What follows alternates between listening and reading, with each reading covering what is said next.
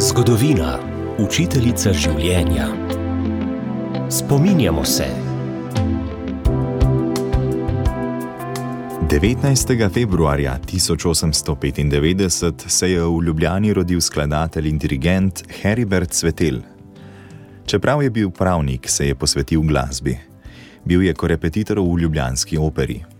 Od 1946 je dirigiral v Mariborski operi in filharmoniji ter učil na srednji glasbeni šoli. Sprva je pisal scensko in na to orkestralno glasbo, sem sodita simfonična pesnitev Talec in suite za klavir in godalni orkester. Med komornimi in zborovskimi deli sta velikonočna kantata ter legenda o Mariji in pastirici Urški. Heribert Svetel je napisal tudi komično opero Višnjani. Ohranilo se je več kot 220 njegovih skladb. 19. februarja 1910 se je v Tolminu rodila pesnica Ljubka Šorli. Po poklicu je bila učiteljica. Med vojnama je z možem Lojzetom kulturno delovala na ozemlju, ki so ga zasedli Italijani, zato so jo preganjali, zaprli in mučili. Kot pesnica se je zatekala k tradicionalnim oblikam in vsebinam, zgledovala se je po Gregorčiču. Napisala je sonetni venec za krostihom Venec spominčic možu na grob. Njene pesmi so izšle v več zbirkah. Pisala je tudi otroško poezijo. Nekatere njene pesmi so primorci vzeli za svoje.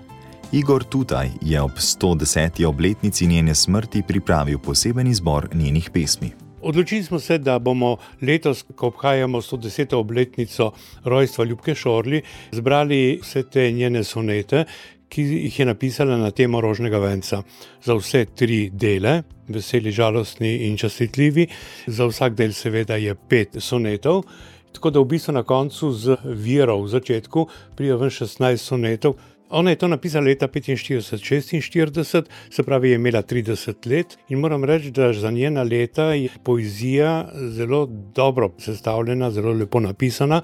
Ti, ti soneti niso bili povezani skupaj, ampak jih bilo treba z raznih listov spraviti skupaj. In ko sem imel celota pred očmi, sem videl, da je to uspešno literarno delo in sem se že takrat, pred desetimi leti, odločil, da bo ta knjiga morala iziti v samostojni izdaji.